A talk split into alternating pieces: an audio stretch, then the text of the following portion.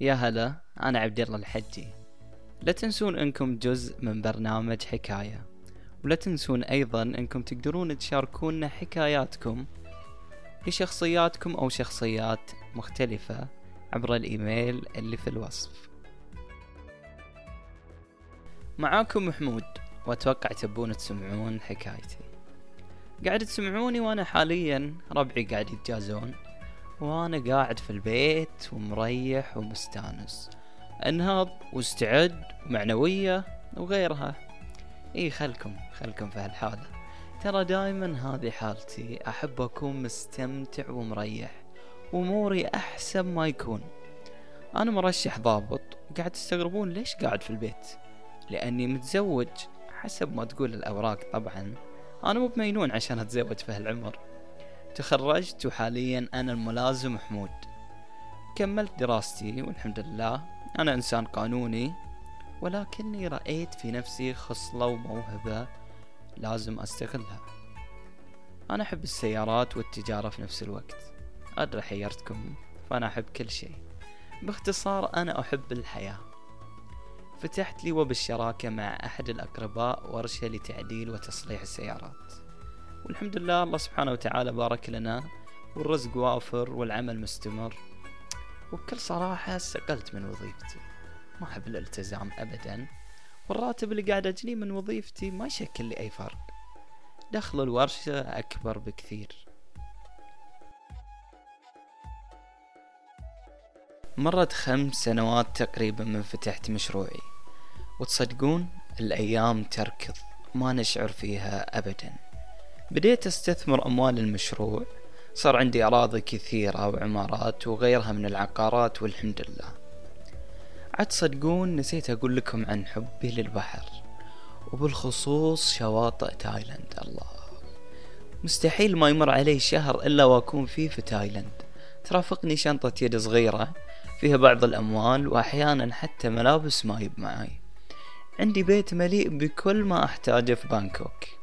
أصدقائي كثر في كل مكان في تايلاند والبحرين وغيرها من دول الخليج وحتى دول العالم.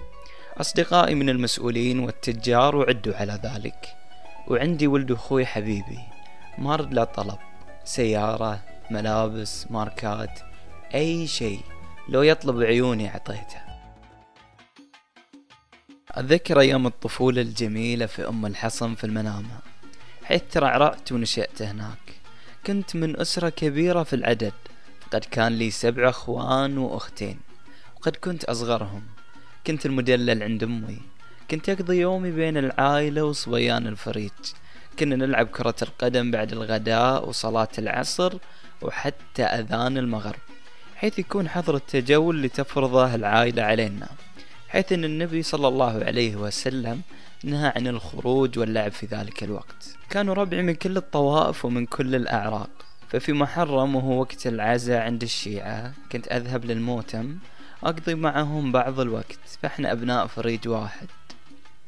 والدي رحمه الله كان كبير في العمر. لذلك كانت علاقتنا مثل الابن وجده. كنت بارا وكان قاسي أحيانا ولكن في داخله عطف وحب كبير. علاقتي مع أختي الكبرى كانت مميزة. فهي أمي الثانية فهي تكبرني بعدة سنوات. بل حتى أن أكبر أبنائها في عمري أشاورها في كل أموري. وأقضي معاها ومع والدتي أجمل اللحظات. أمي حبيبتي الله يحفظها دايما تدعي لي وتلح علي في نفس الوقت عن موضوع الزواج. كبرت يا ولدي أبى أشوف عيالك لين متى وأنت عزوبي. طبعا أنا غير مكترث أبدا ولكن بعد إصرار قررت الزواج. اخطبت لي أمي العزيزة زوجتي شيخة وللأمانة ما كنت متوقع أن الزواج شي حلو. كنت في فترة الخطوبة وكنت أتجهز للخروج مع زوجتي للعشاء. أناظر روحي في المرآة أنا في قمة السعادة المشط في يدي وإذا باتصال يفاجئني من أحد العاملين في الورشة. يخبرني أن الورشة احترقت. نعم مصدر رزقي وتعب لسنين راح في غمضة عين قلت الحمد لله ربك يعوضني ونصلح إن شاء الله ونواصل العمل. لم أشأ أن أفسد أمسيتنا أنا وزوجتي ومضت الأمسية بسلام. في صباح اليوم التالي اتصلت بقريبي وقلت له ما العمل؟ شو نسوي؟ قال لي الأمور طيبة إن شاء الله وما عليك ولا تحاتي أغلقت الهاتف وتوجهت للبنك عشان ألقي نظرة على الحساب وأوازن الأمور. وإذا بالموظف يخبرني إن الحساب ما فيه أي مبلغ. تفاجأت وقلت له مستحيل ما يصير أكيد في خطأ.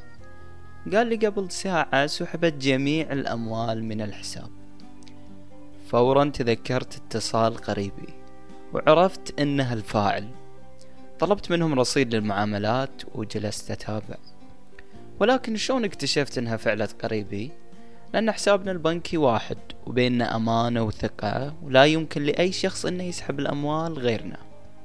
اكتئبت. شو أقول حق زوجتي؟ قاعد أبني بيتي. أنا في مرحلة مفصلية. أنا مستقيل من وظيفتي. شا أقول وشا أخلي إذا واجهت ولد عمي الخاين؟ ولكن حسبي الله ونعم الوكيل. في اليوم التالي واجهت ولد عمي وأخبرته عن سبب فعلته. أنكر ذلك وقال لي أنا أخذت نصيبي من الشراكة وانتهى الموضوع والأموال تراها تحولت إلى حسابات أخرى وما تقدر توصل لها. إي نعم بهذه الوقاحة كان. فاجأني ووددت لو أن الأرض ابتلعتني ولم أشاهد الفلوس تفرق بيني وبين ولد عمي. إي نعم قريبي هو ولد عمي. خلاص بدأت أفكر بطريقة عملية. شو العمل؟ أحتاج أكمل بيتي وأمشي في أمور زواجي. توظفت في شركة قانونية بدأت أبيع أملاكي. ولكن الأموال لم تكن لتكفي لتغطية النفقات. فجزء كبير من أملاكي مسجل باسم الشركة وليس باسمي. واللي باسمي حصة بسيطة جدا. استدنت من البنوك وأصبحت شبه غارق في الديون. أكملت بناء منزلي وجزء كبير من راتبي يذهب للبنوك. رزقني الله سبحانه وتعالى بابني خالد. قرت عيني وفرحتي الأولى. زوجتي شيخة أم خالد العزيزة وقفت معاي وقفة ما تنسي. رضت فيني حتى بعد تغير حالي. وقالت معاك في السراء والضراء. على عكس الجميع. أصدقائي الكثر بعد تغير حالي صاروا ما يعرفوني وحتى يستكثرون السلام علي. سبحان مغير الأحوال. أخواني قليل منهم من يتواصل معاي. بعد ما كانت طلباتهم واتصالاتهم على أيام العز ما توقف. ولد أخوي العزيز حتى هو نساني. وصار يستكثر السؤال عني. سابقا في كل اتصال يا هلا بالشيخ ويا هلا بالعزيز. كنت أسمعها من الكل بلا استثناء. والآن حتى الرد على الاتصال يستكثرونه علي ما بي شي منكم. أنا لازلت حمود. فلوسي ما تغيرني ولكنها غيرتكم علي.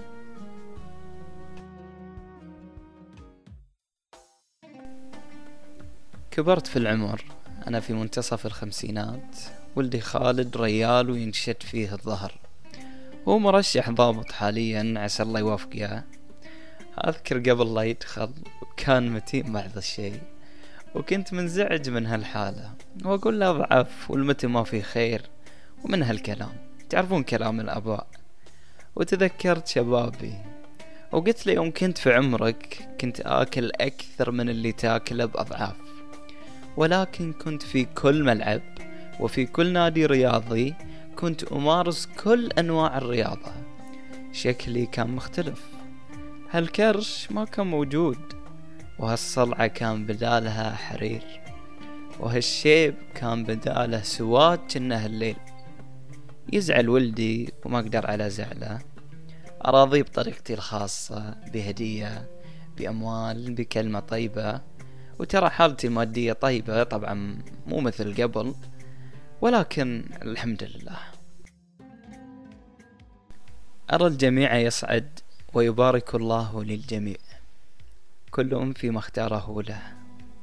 يمهل ولا يهمل ويمد بعمر الظالم ويزين له عمله حتى يعمى ويقفل على قلبه. نعم الله سبحانه وتعالى ياخذ ويعطي. رزقني ربي بولدي خالد وبناتي الثنتين عسى الله يحفظهم. مي وهيا. أنا راضي. الخيرة فيما اختاره الله. رغم أني أشوف زيادة وبركة أموالي المسروقة عند قريبي وتطور حياته وتضاعف مدخوله إلا أنني سعيد رغم الشقاء. سعيد رغم الابتلاء. وأظن أني أخذت من اسمي واسم أبوي الصفتين أني حمود حامد لربي وسعيد سعيد في هذه الحياة.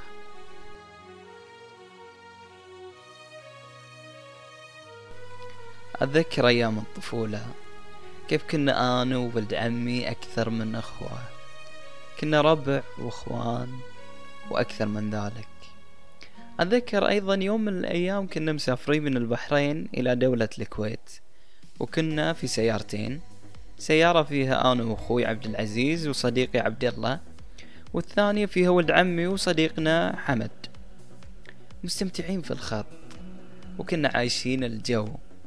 كان عندنا برقيات نتواصل فيها بين السيارتين. نغني ونضحك. وفجأة اصطدمت شاحنة بسيارة ولد عمي. كاد قلبي ينفجر من الخوف عليه. نزلت مسرع من السيارة وإذا بها تحترق حمد طار من السيارة ولكن ولد عمي انحشر في السيارة اللي قاعد تحترق. ركضت غير مكترث بالنار. وأخوي يصرخ علي لا تروح. رحت. أنقذته. إي نعم أنقذته. وصلت سيارة الإسعاف في نفس الوقت. نجى سعيد ولد عمي. وتوفى حمد. الله يرحمه. كل يوم يمعة الغداء عند أمي العزيزة. وأقعد هناك إلى المغرب أستمتع بصحبتها. ولكن في يوم الجمعة الموافق 30 من أبريل 2010 اليوم اللي ما أنساه أبدا. كنت أتقهوى معاها بعد صلاة المغرب. كنا نضحك ونسولف وفجأة سقط الفنيال من يدها وسقطت خلفه الدكتور يقول إنها أزمة قلبية حادة.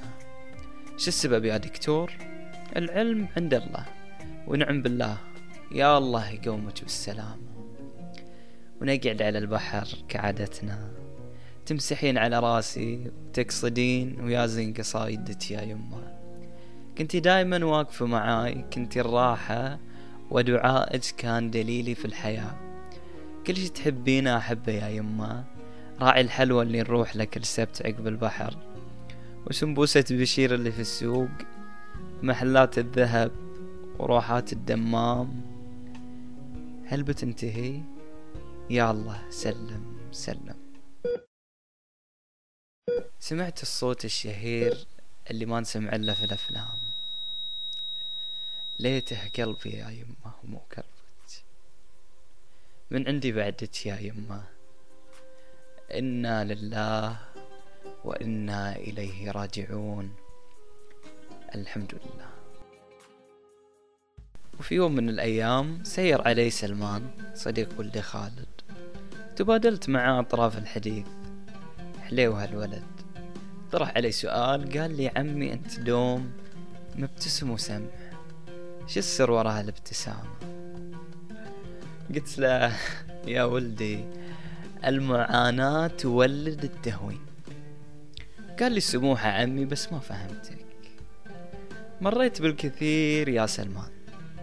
بسمتي وفرحتي وتفاؤلي بالحياة لأني مؤمن أن الله سبحانه وتعالى ما بيضيعني أبدا. رزقك ونصيبك انكتب قبل لا تنخلق الدنيا. وش لك تذبح روحك عليه؟ ولو إني عشت متضايق أنا الخسران وأنا اللي باتعب سلمان ما يعرف قصتي. ولكن تدرون إني سامحت الجميع بلا استثناء. سعيد وولد أخوي وربعي وبعض أهلي اللي من السنين نسوني. أشعر بالراحة. ليش ما سامحهم أصلا؟ ليش أتعب روحي؟ الحياة حلوة لو عشتها بكل ما فيها. أنا في المستشفى. لا أرى شيئا. ولكن أسمع أن البنج أو التخدير مأثر علي. زوجتي تصيح أبنائي يدعون الله وخالد ممسك بيدي. لا تحاتون. لن أسقط فأنا لم أسقط يوما. سينجيني ربي كما نجاني من اللاتي من قبلها. مسكة يدك يا خالد تذكرني بيوم من الأيام. كنا في السيارة طالعين في الجو العليل. مرينا على أعز ما كنت أملك. مزرعتي الفارهة الضخمة. فيها كل أنواع النخيل والأشجار ولكن ليس الحيوانات فما أحبها أبدا. وبرك السباحة والصلاة الرياضية ولكني بعتها مثل غيرها. شافها خالد وقال لي يبا زراعة من هذه؟ آخ يا ولدي هذه زراعة أبوك ولكن ما بقول لك عشان ما تنقهر. هذه زراعة التاجر محمد جاسم. ما شاء الله. ليت عندي مثلها يا يبا شلون أقول له ان كان عندك اللي أحسن منها؟ وأذكر يوم ام خالد تطلب مني ساعة كانت في خاطرها واعتذرت منها. ويوم مي تطلب مني الهاتف الجديد وما قدرت على ثمنه. وهيا يوم كان خاطرها في السفر وما قدرت في ذيك السنة. أنا ما أقدر على هالطلبات البسيطة. ما بي ما بي أعيش في هالكابوس لن تطاردني هذه الأحلام.